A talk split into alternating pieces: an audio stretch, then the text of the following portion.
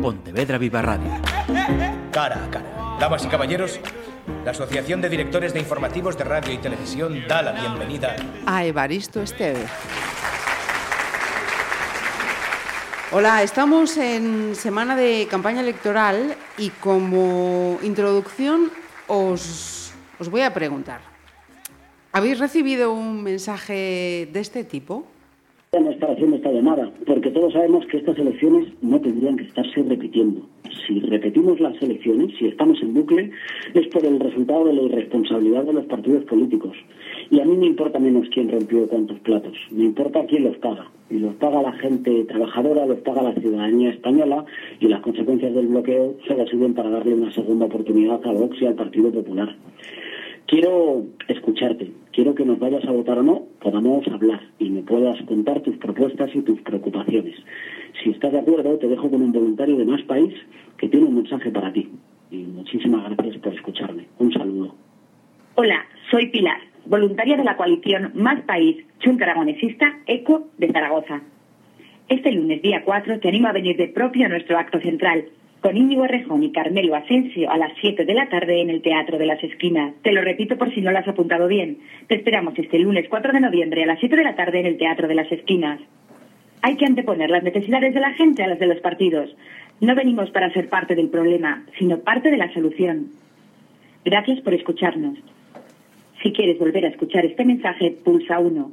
Si quieres que te llame un voluntario de Más País, Cha Equo, pulsa 2.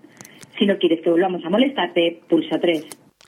Efectivamente, es la voz de Íñigo Rejón, líder de Más País, dejando ese mensaje de voz a una persona, en este caso, como también habéis escuchado, de la circunscripción de Zaragoza, que, igual que a Coruña y Pontevedra, son provincias donde concurre esta opción política a las elecciones del próximo domingo 10 de noviembre.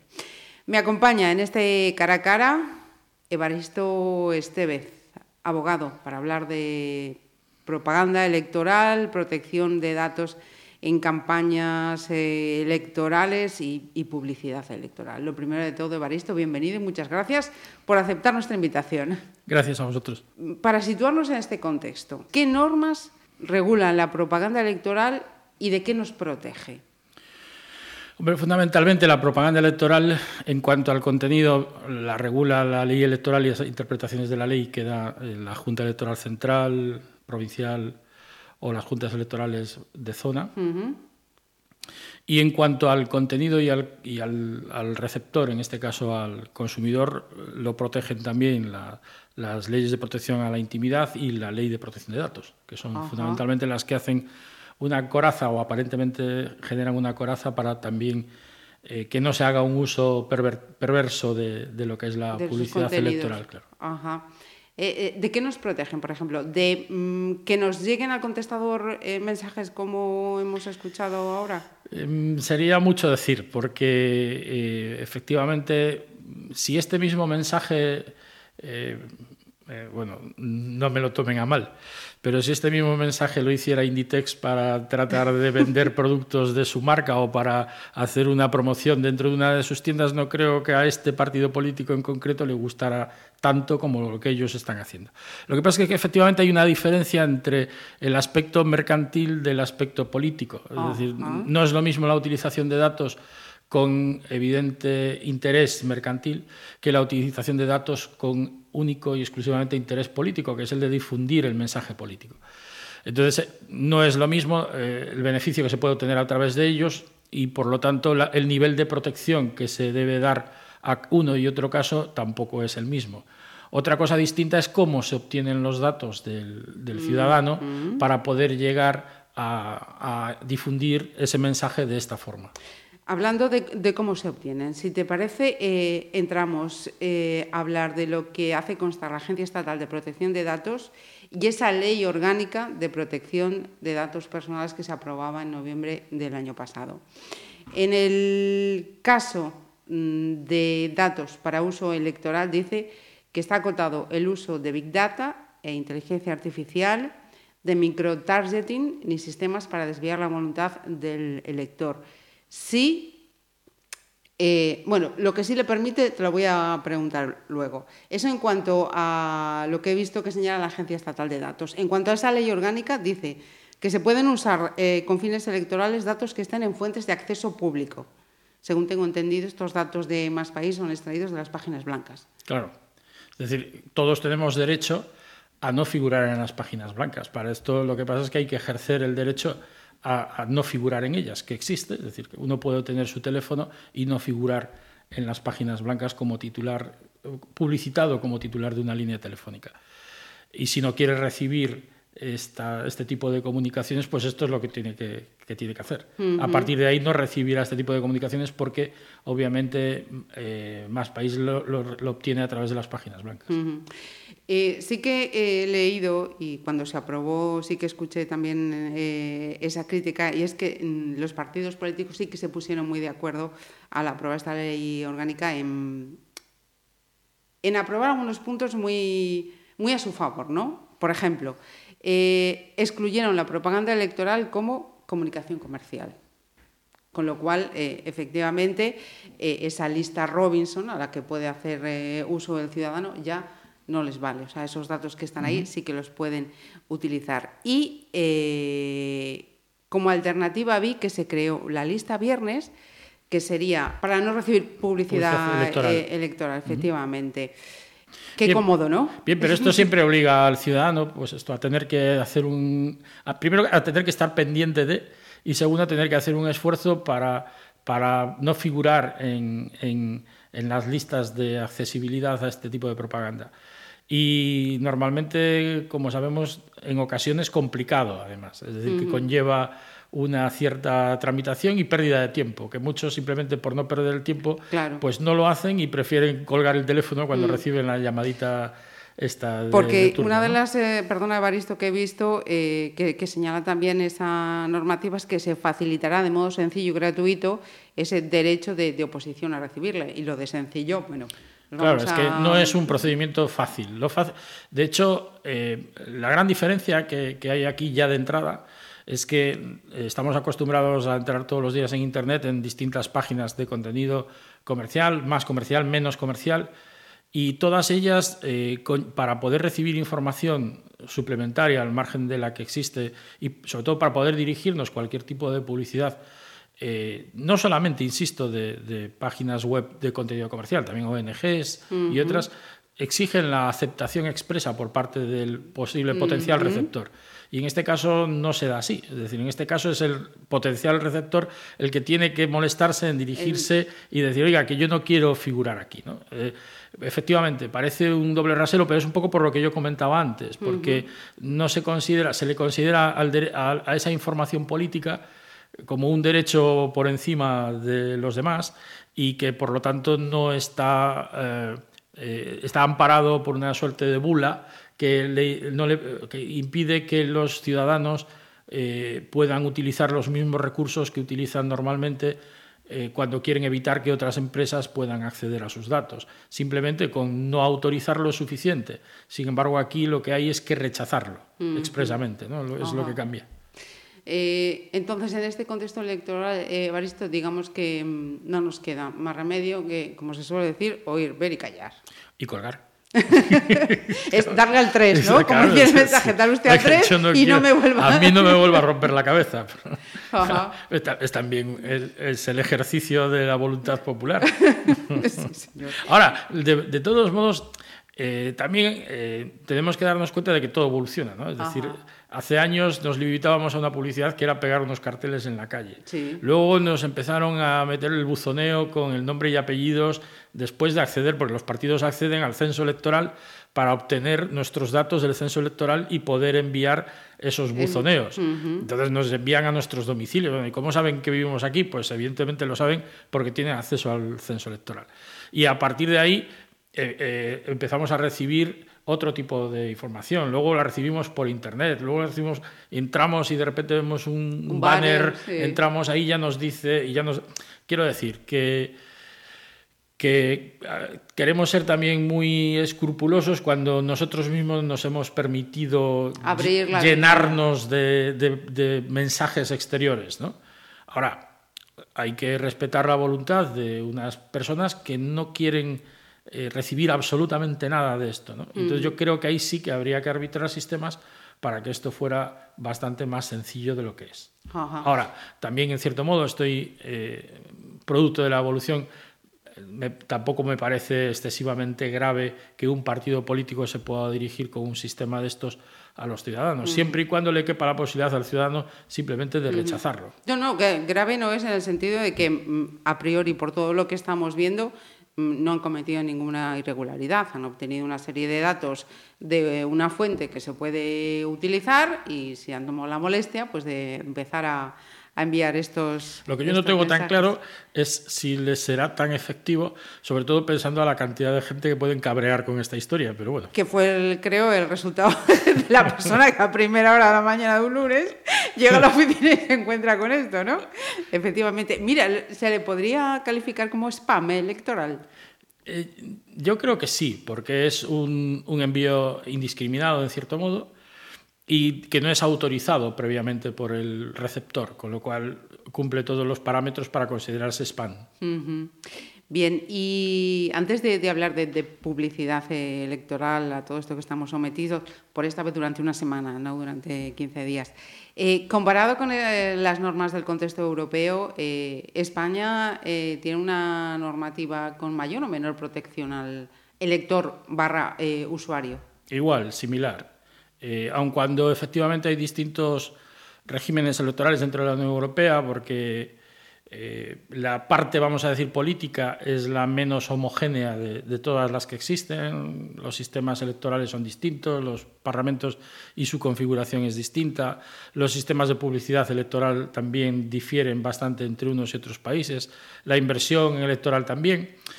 Eh, pero no obstante, lo que es la eh, normativa en materia de publicidad y sobre todo la normativa en materia de protección de datos, que es eminentemente, de hecho, la última, porque la, la ley del pasado año es eh, la actualización de la ley anterior, eh, que databa ya del año 85, con lo cual eh, el- perdón, del año 95. Lo, lo que sucede es, las dos estaban adaptadas a la normativa comunitaria. La única circunstancia es que lo que se ha hecho con esta última es, en cierto modo, adaptar a las últimas resoluciones dictadas por los tribunales comunitarios. Y, por tanto, la normativa española está plenamente adaptada. Entonces, lo que decía antes, oír, ver y callar o darle al botón 3 para que no nos eh, llegue más ante toda la avalancha de publicidad electoral que nos puede llegar de manera material, de pues manera de, de audios, de manera visual por redes eh, sociales. Eh, el problema quizá es eh, también cuando no es tan evidente, ¿no? Me refiero aquí, evidentemente, vamos a suponer que, que es un contenido comercial, ¿no? Lo tenemos plenamente identificado, pero cuando no se identifica... Hombre, puedo poner un ejemplo. Sí, Imaginemos un alcalde que de repente se coge el teléfono y empieza a llamar a todos sus ciudadanos para pedirle su voto en unas elecciones municipales. Es decir, no difiere. Y esto yo creo que sucede. eh, De con- hecho, creo que, ha- que- que se ha hecho ya. ¿eh? Claro, La por eso digo que, sí, sí. que esto, esto es muy parecido a- al otro. ¿no? Es decir, lo único que le queda al ciudadano es la posibilidad de, con el debido respeto, colgar el teléfono. Pero a veces no nos damos cuenta de que eh, protestamos cuando las cosas suceden, pero las cosas no suceden eh, Por como casualidad. correctamente acabas de decir por casualidad. Y suceden porque se abre una, una cima dentro de- del conjunto normativo. Es decir, se abre una excepcionalidad. Entonces, claro, si legislamos de tal manera que evitamos esa excepcionalidad, pues en este momento no estaríamos hablando de, de la diferencia entre publicidad electoral y publicidad comercial en general.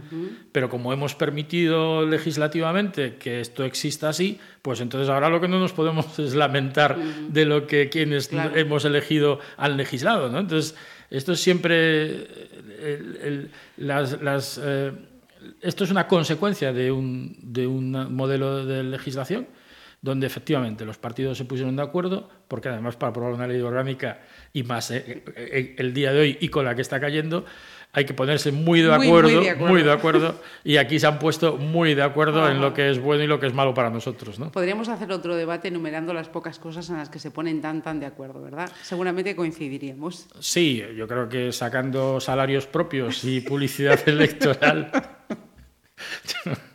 Efectivamente, estábamos pensando lo, mismo. Eh, mira, a raíz también de lo que estabas diciendo, eh, ¿tenemos cierta culpa el, ciudadano por eh, cierta dejación de, no preocuparnos cuando se está tramitando, debatiendo este tipo de normativas para decir, eh, señores, cuidado que estamos atentas? o dejamos hacer y luego una vez que está aprobado y nos enteramos de qué es lo que se ha aprobado, nos echamos las manos a la cabeza. Es que directamente ni nos enteramos.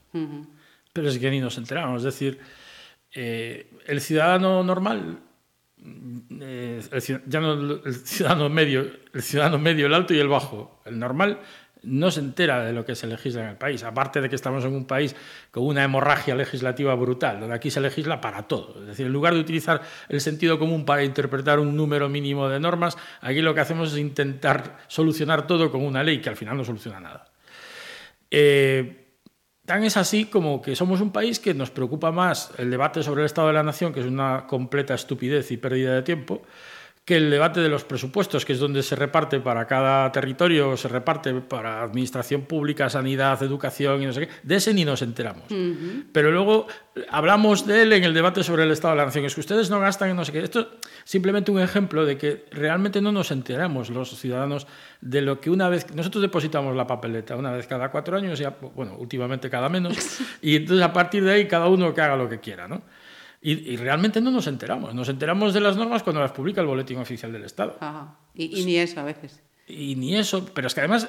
Porque ¿quién se lee el BOE? Es que, es que tampoco he visto ningún partido, ni siquiera los últimamente más reivindicativos, eh, de decir, oiga, que es que pasado mañana se va a votar esto en el Congreso y esto va a traer esta consecuencia. No, porque es que van allí y se oponen, pues porque como lo promueve el gobierno y yo estoy en la oposición, pues ya me opongo. Se acabó salvo que haya interés, como es este caso, entonces todos nos ponemos de acuerdo, porque se toca arrebato, se toca arrebato y todos nos ponemos de acuerdo. Nos va la piel. Mira, y, aprovechando ya que estábamos eh, hablando de este tipo de cuestiones de protección eh, de datos, eh, en el ámbito comercial, ahí así que destapamos la, la caja de los truenos. No, ahí ya ahí ya las, medidas y las normas en materia de protección de datos ya son más estrictas, si bien mis experiencias últimamente con la Agencia de Protección de Datos son bastante negativas, es decir, sigue, seguimos siendo España, es decir, una cierta laxitud a la hora de ser estrictos con determinadas prácticas, siguen existiendo y todos estamos todos los días eh, eh, contaminados con un montón de propaganda que no hemos solicitado, y por mucho que intentes ir contra ello, con, con, gente que trata de ir encima de nuestra intimidad, bueno, la última, la famosa discusión de la pasada semana con respecto a la cesión de los datos al Instituto Nacional de Estadística sobre la ubicación de los teléfonos móviles, es decir, son pequeñas pinceladas que dice, uno, uno se plantea, bueno, ¿para qué aprobamos un montón de normas si al final estamos todas las semanas practicando un montón de excepciones? Y, claro, porque al final parece que aprobamos un montón de normas para decir que estamos adaptados a la Unión Europea y que cumplimos como nadie con las, con, con las directivas y con los reglamentos de la Unión Europea. Y no es así. Es decir, eh, eh, por ejemplo, la cesión de datos al INE sobre movilidad en Estados Unidos sería impensable. Sería impensable. Y, sinceramente no la, no la comprendo, porque el problema de esto es que hoy es al INE y mañana ya no sé a quién puede ser. entonces, eh, hay, ciertas, hay ciertos tics en las costumbres, sobre todo en, en, el, en la práctica, que son preocupantes, pero preocupantes para aquellos que simplemente nos gusta un país donde haya libertades y donde sobre todo el ciudadano no esté permanentemente controlado y perseguido. Y, estas cosas van en contra. La publicidad, de hecho, la ley de protección de datos de carácter personal y la ley de protección de la intimidad, lo que hacen es intentar la segunda eh, de manera resarcitoria, es decir, cuando se produce el hecho, y la primera tratando de impedirlo y de forma más administrativa, eh, tratan de proteger al ciudadano, entre otros, frente a, a, inmisiones en su derecho a la intimidad o inmisiones en sus, en sus datos personales. ¿no? Pero sin embargo ya vemos que el Estado es el primero que intenta buscar vericuetos para ver por dónde me cuelo. ¿no? Y esto es lo verdaderamente preocupante.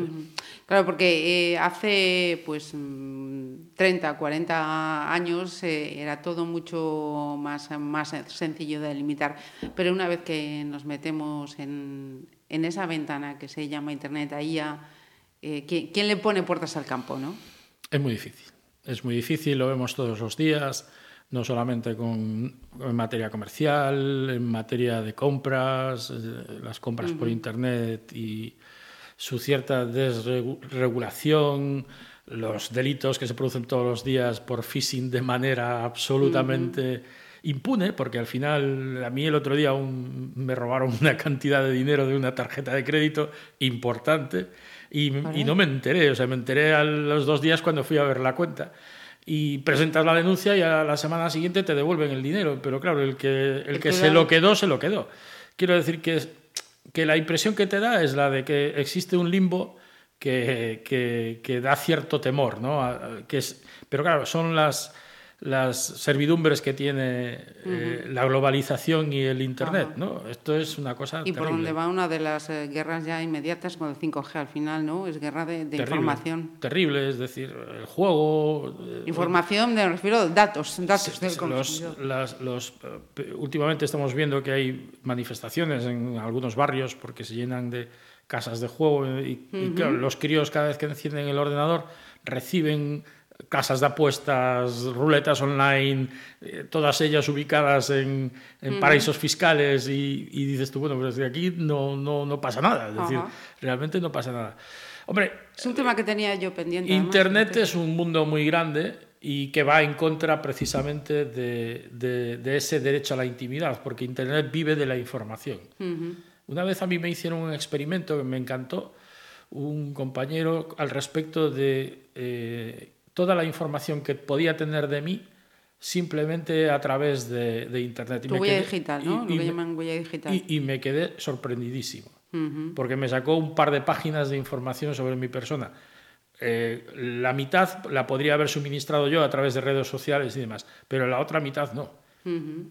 Sí, yo creo que, había visto un eh, programa sobre todas las huellas que, vamos dejando, eh, nada más que en un día. Es increíble toda la información que vamos facilitando solamente en 24 horas con las entradas que, hacemos a redes sociales, a internet, a buscando eh, cualquier cosa. Es tremendo. Eso de forma consciente, de forma inconsciente también.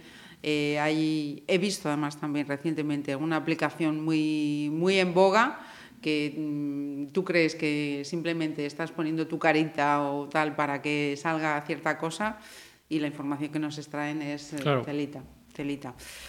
Pues eh, lástima, ahí sí que no hay un botón 3 para decir, mire, dejen de... Este es el problema, claro. Exigimos, eh, por aquí empezaba yo, es decir, exigimos eh, mucho a, los que tenemos más próximos, pero luego somos capaces de abrirnos al mundo porque esto es fantástico y de enviar al éter un montón de información que tienen de nosotros y que un día nos puede ser utilizada en nuestra contra. ¿no? Mira, y ya para terminar, Evaristo, como abogado en estas cuestiones que hemos tocado hoy, ¿te dan mucho trabajo?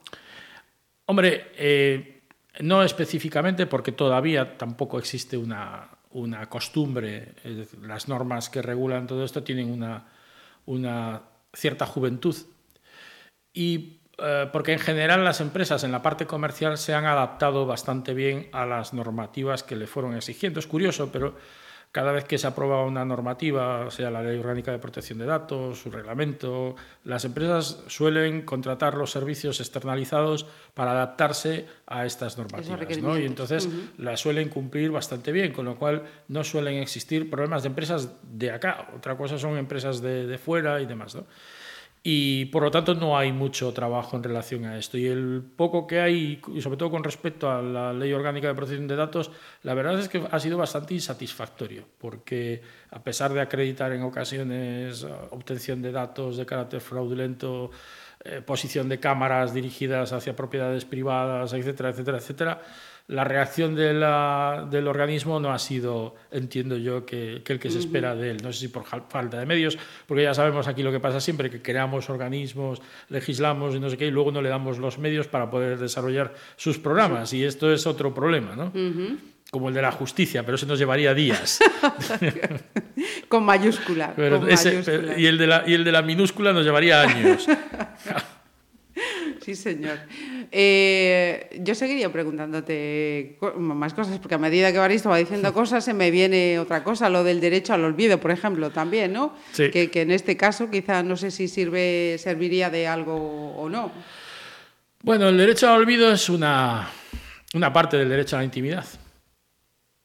Y, y, bueno, pues consiste fundamentalmente en el derecho que tiene la persona a que su- sus antecedentes no figuren eh, públicamente, eh, referenciados en bases de datos, y sobre todo que puedan generar una imagen negativa de esta persona. Pues, Vamos a poner el ejemplo típico de una persona que está en prisión o que es detenida en una ocasión y, y además públicamente y al cabo de tres años pues está completamente, o ha sido absuelto incluso, está completamente o, o ha cumplido y está regenerado y lo que sea y quiere acceder al mercado laboral. Y ya sabemos que al acceder en el mercado laboral lo primero que hace alguien de recursos humanos es meter el Sí, NIF ahí- está tu o tal, y ahí está el currículum. Entonces, bien, para eso está el derecho al olvido y sobre todo para que, eso sí, tal y como ha dicho el Tribunal Constitucional, preservando el derecho a la información, es decir, preservando el derecho que todos tenemos a conocer lo que ocurrió en el pasado, pero tampoco una vez que deja de ser noticia, tampoco hay que personalizarlo en nadie, por lo tanto todo el mundo tiene,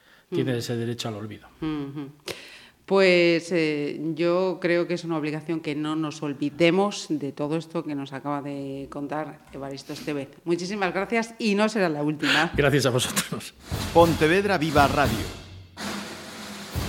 ¿Me permiten que les haga un comentario como espectadores del programa Cara a Cara? Según un reciente sondeo de mercado, ustedes disponen de estudios e inteligencias superiores a la media. Sus intereses abarcan desde la actualidad mundial y la ciencia hasta el deporte y los espectáculos.